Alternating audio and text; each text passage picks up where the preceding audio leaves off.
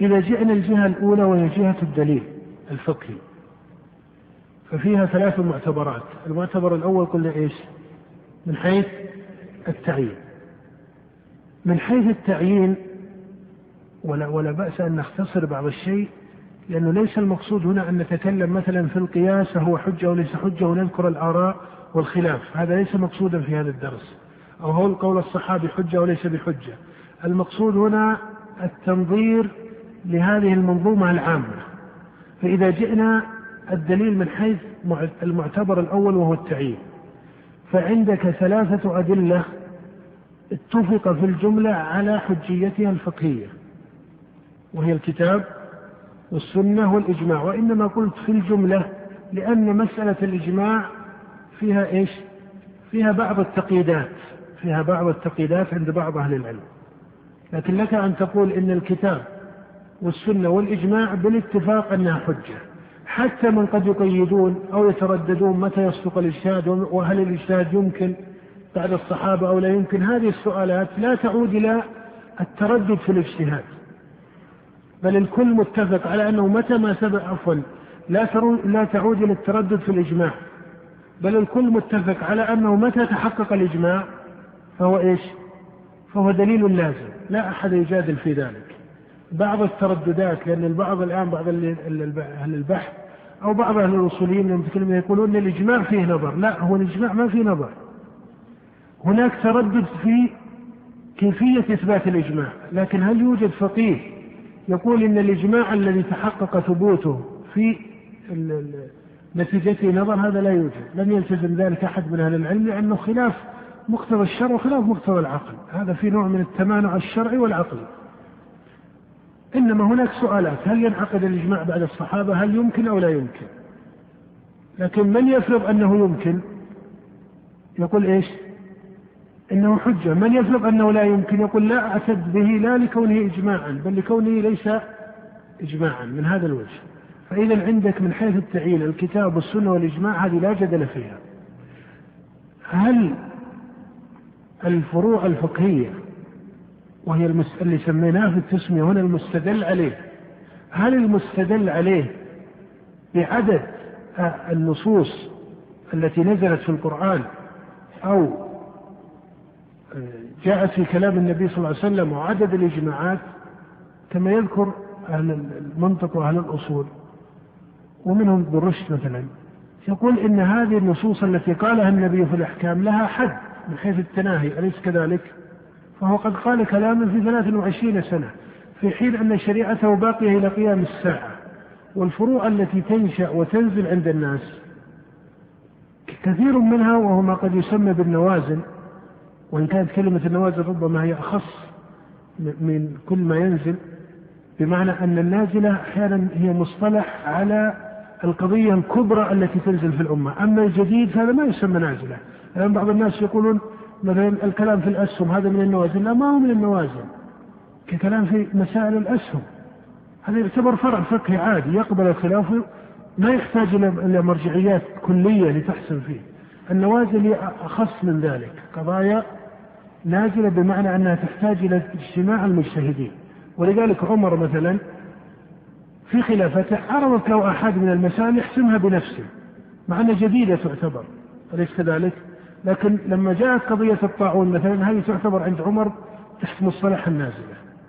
وهكذا مثلا. مثلا لو طرحت مسألة مثلا أخذ المسلمين أو إقامة المسلمين لظروف ما في غير بلاد المسلمين. واستجابتهم مثلا للأحكام المدنية في تلك البلاد الجنسية أمور متعددة. هذه ما يجوز لأحد أن يتصرف ويقول هذا ما يجوز موالاة الكفار. هذه تعتبر اليوم نازلة. أليس كذلك؟ وجزء من واقع المسلمين لابد تحتاج إلى تأصيل شرعي. تحتاج إلى تأصيل شرعي مثل هذا. على كل حال إذا من حيث التعيين هذه الأدلة الثلاثة لا جدل فيها. من حيث استيعاب النصوص الصريحة لأحد المسائل هذا لا يمكن أن يكون متوافقا على هذا التمام لأنه ليس كل المسائل قد صرحت النصوص بها. ومن هنا جاءت هناك جهات من الأدلة بدأت من زمن الصحابة ثم ظهرت كمصطلحات ثم ظهرت كمصطلحات العلمية. ما عرف بالقياس؟ هل القياس دليل أو ليس بدليل؟ هذا له مقام. ما عرف بقول الصحابي؟ هل قول الصحابي دليل أو ليس بدليل؟ هذان الأمران هما من أخص ما تعلق به الفقهاء بعد الأصول الثلاثة التي هي الكتاب وإيش؟ والسنة والإجماع. وأنت تعرف أن الفقهاء بعد انتشار الفقه في العراق وغيره صاروا في الجملة أهل اتجاه للأثر وهو ما اشتغل به المحدثون أو أهل اتجاه للفقه والرأي وهو ما اشتهر في الكوفة أليس كذلك؟ فلكثرة اشتغال المحدثين بالسنن والآثار وبآثار الصحابة غلب عليهم التعظيم لأقوال الصحابة بعد الكتاب والسنة وإيش؟ والإجماع فتأثر فقههم أكثر ما تأثر بعد الكتاب والسنة والإجماع بماذا؟ بأقوال الصحابة مدرسة الفقهاء في الكوفة أكثر ما تأثر فقهها بعد الكتاب والسنة والإجماع بماذا؟ بالقياس. إذا من حيث التعيين اتفق أهل الرأي إن صح التعبير وأهل الحديث على اعتبار أقوال الصحابة كدليل في الجملة وعلى اعتبار القياس كدليل في الجملة فإذا ما من فقيه من الكوفيين إلا وهو يعتبر في بعض الصور العمل بما هو من أقوال الصحابة. وما من فقيه من أهل الحديث إلا وهو يعتبر في بعض الصور العمل بما هو من ماذا؟ القياس. وإن كان المحدثون ضيقوا القياس ثم إن المحدثين في تضييق القياس درجات. وكذلك أهل الكوفة ضيقوا العمل بالآثار يعني غير آثار النبي صلى الله عليه وسلم إلى القياس وهم أيضا في ذلك درجات. ولذلك المصنف يقول هنا وهذا يذكره حتى المحققون من الأحناف يقول إن أبا حنيفة لم يكن يبطل أقوال الصحابة بل له مسائل أخذ فيها بكلام الصحابة. يقول كما أن أحمد وأمثاله من أهل الحديث لهم أقوال أخذوا فيها بما هو من القياس. فإذا من حيث التعيين هناك ثبوت لتعيين هذا الدليل وهذا الدليل. هاتان الجهتان جهة الآثار غير النبوية وهي آثار الصحابة وجهة القياس هما أكثر المكونات للرأي الفقهي بعد الأصول الثلاثة. جاءت أمور مثلا ظهر عند أهل المدينة ما سموه بعمل أهل المدينة. ظهر المصلحة المرسلة الاستحسان. هذه المعتبرات التي انتظمت فيما بعد عند الأصوليين بالأدلة المختلف فيها. هذا التعبير أنها مختلف فيها لابد أن نفقهه على أن الاختلاف لا يلزم أن يكون في التعيين. فلا يلزم أن يكون الاختلاف في التعيين. أحيانا يتفقون على التعيين كاتفاق العلماء في الجملة على الاعتداد بالقياس وبآثار الصحابة. هذان هناك اتفاق مع أني أعلم وأنتم تعلمون أن كثير من الكتب الأصولية تحكي مذاهب لا ترى القياس وتحكي مذاهب لا ترى أقوال الصحابة. هل هذا معناه أنه لا يوجد؟ نعم يوجد. ولذلك لما جاء ابن حزم رحمه الله صرح بإبطال القياس. لكن ابن حزم مع تأخره عن داود بن علي الظاهري مع تأخره عن داود بن علي الظاهري وأنتم تعلمون أن داود بن علي إمام المذهب متقدم. ابن حزم لما أبطل القياس ورد كثيرا من قياس الحنفية وقياس الفقهاء من غير الحنفية. إذا تعاملنا مع الأمور كمصطلحات فلنا أن نقول إن من الأصوليين والمتقدمين أيضا من يبطل القياس ومنهم من يقبله. وإن منهم من يبطل أقوال يأخذ بأقوال الصحابة ومنهم من لا يأخذ بها. لكن إذا جئت من حيث الواقع العلمي عند هؤلاء وجدت أن ابن حزم استعمل بعض الصور التي هي وجه من القياس وبنى بعض المحصلات التي هي وجه من القياس وإن كان المصطلح لا يصدق عليها. وهنا لك أن تعتبر أن المصطلحات أحيانا تحكم حكاية الخلاف. المصطلحات تحكم حكاية الخلاف. فابن حزم صرح بإبطال القياس كثيرا مع أنه عند التطبيق لا ينفك أحيانا عما هو من القياس. هذا مع غلو ابن حزم في ترك القياس. فما بالك بأهل الحديث المتقدمين؟ صحيح أن هناك تجافي عند المحدثين عن كثير من الرأي والقياس إلى آثار الصحابة هذا موجود. لكن أن هناك إبطالا لما للقياس من حيث الماهية هذا لم يوجد. إبطال القياس من حيث الماهية لم يوجد. كما أن إبطال آثار الصحابة وفقه الصحابة من حيث الماهية لم يوجد. أحيانا يذهب بعض الكوفيين إلى أن أقوال آحاد الصحابة ليست حجة. إلى أن الصحابة إذا اختلفوا فإن الاستدلال بأقوالهم ليس معتبرا. هذا يصل إليه بعض الكوفيين. أما إبطال فقه الصحابة وآثار الصحابة من كل وجه أو إبطال القياس من كل وجه فهذه صور حكمتها المصطلحات في كتب الأصول المتأخرة. أقول هنا إن الإمام الشافعي إن الإمام الشافعي وفيما كتبه في الرسالة وتأمل في رسالته أو إذا قرأت رسالته وتأملت فيها وجدت أن الشافعي كأنه قصد أن يكتب صيغة توافقية ولا أقول وسطية حتى لا يفرض أن غيره ليس وسطا. قصد أن يكتب صيغة توافقية بين مذهب الكوفيين من الفقهاء ومذهب من؟ أهل الحديث. ولذلك تجد في الرسالة تأكيدا على الأثر والنص كثيرا ولكن تجد في الرسالة تأكيدا على الفقه وعلى أوجه كثيرة من القياس. كما أن الشافعي تجافى عن بعض أوجه القياس فشدد في القياس. كما أنه لما تكلم عن الإجماع أحكم الإجماع بكلام وانتقد بعض الصور التي تفرض على أنها إجماع. لكنه ما تخلى عن الإجماع مطلقا ولا تخلى عن القياس مطلقا. كما أنه حتى في الآثار ما التزم الآثار على حساب ترك القياس. كأن الشافعي أراد أن يقول لا تمانع بين القياس وبين آثار الصحابة بل هذا فقه معتبر وهذا فقه معتبر وهذا بين فيما كتبه الشافعي من الرسالة كأنها رأي أو أو طريقة توافقية بين طريقة الكوفيين من أهل الرأي وطريقة أهل الحديث. ولا سيما أن الشافعي لاحظ وأنتم تقرؤون هذا في تاريخ بغداد وغيره أن بعض أهل الحديث اشتدوا في ذم من؟ اشتدوا في ذم أهل الرأي. وبعض هذا الذم قد لا يكون محققا كما أن بعضه قد يكون محققا حينما يكون الذم بمعنى الدعوة إلى النصوص هذه أمور لا بأس عليها أو لا بأس بها وهي من العلم المقبول. لكن أحيانا يزيد الأمر عن ذلك.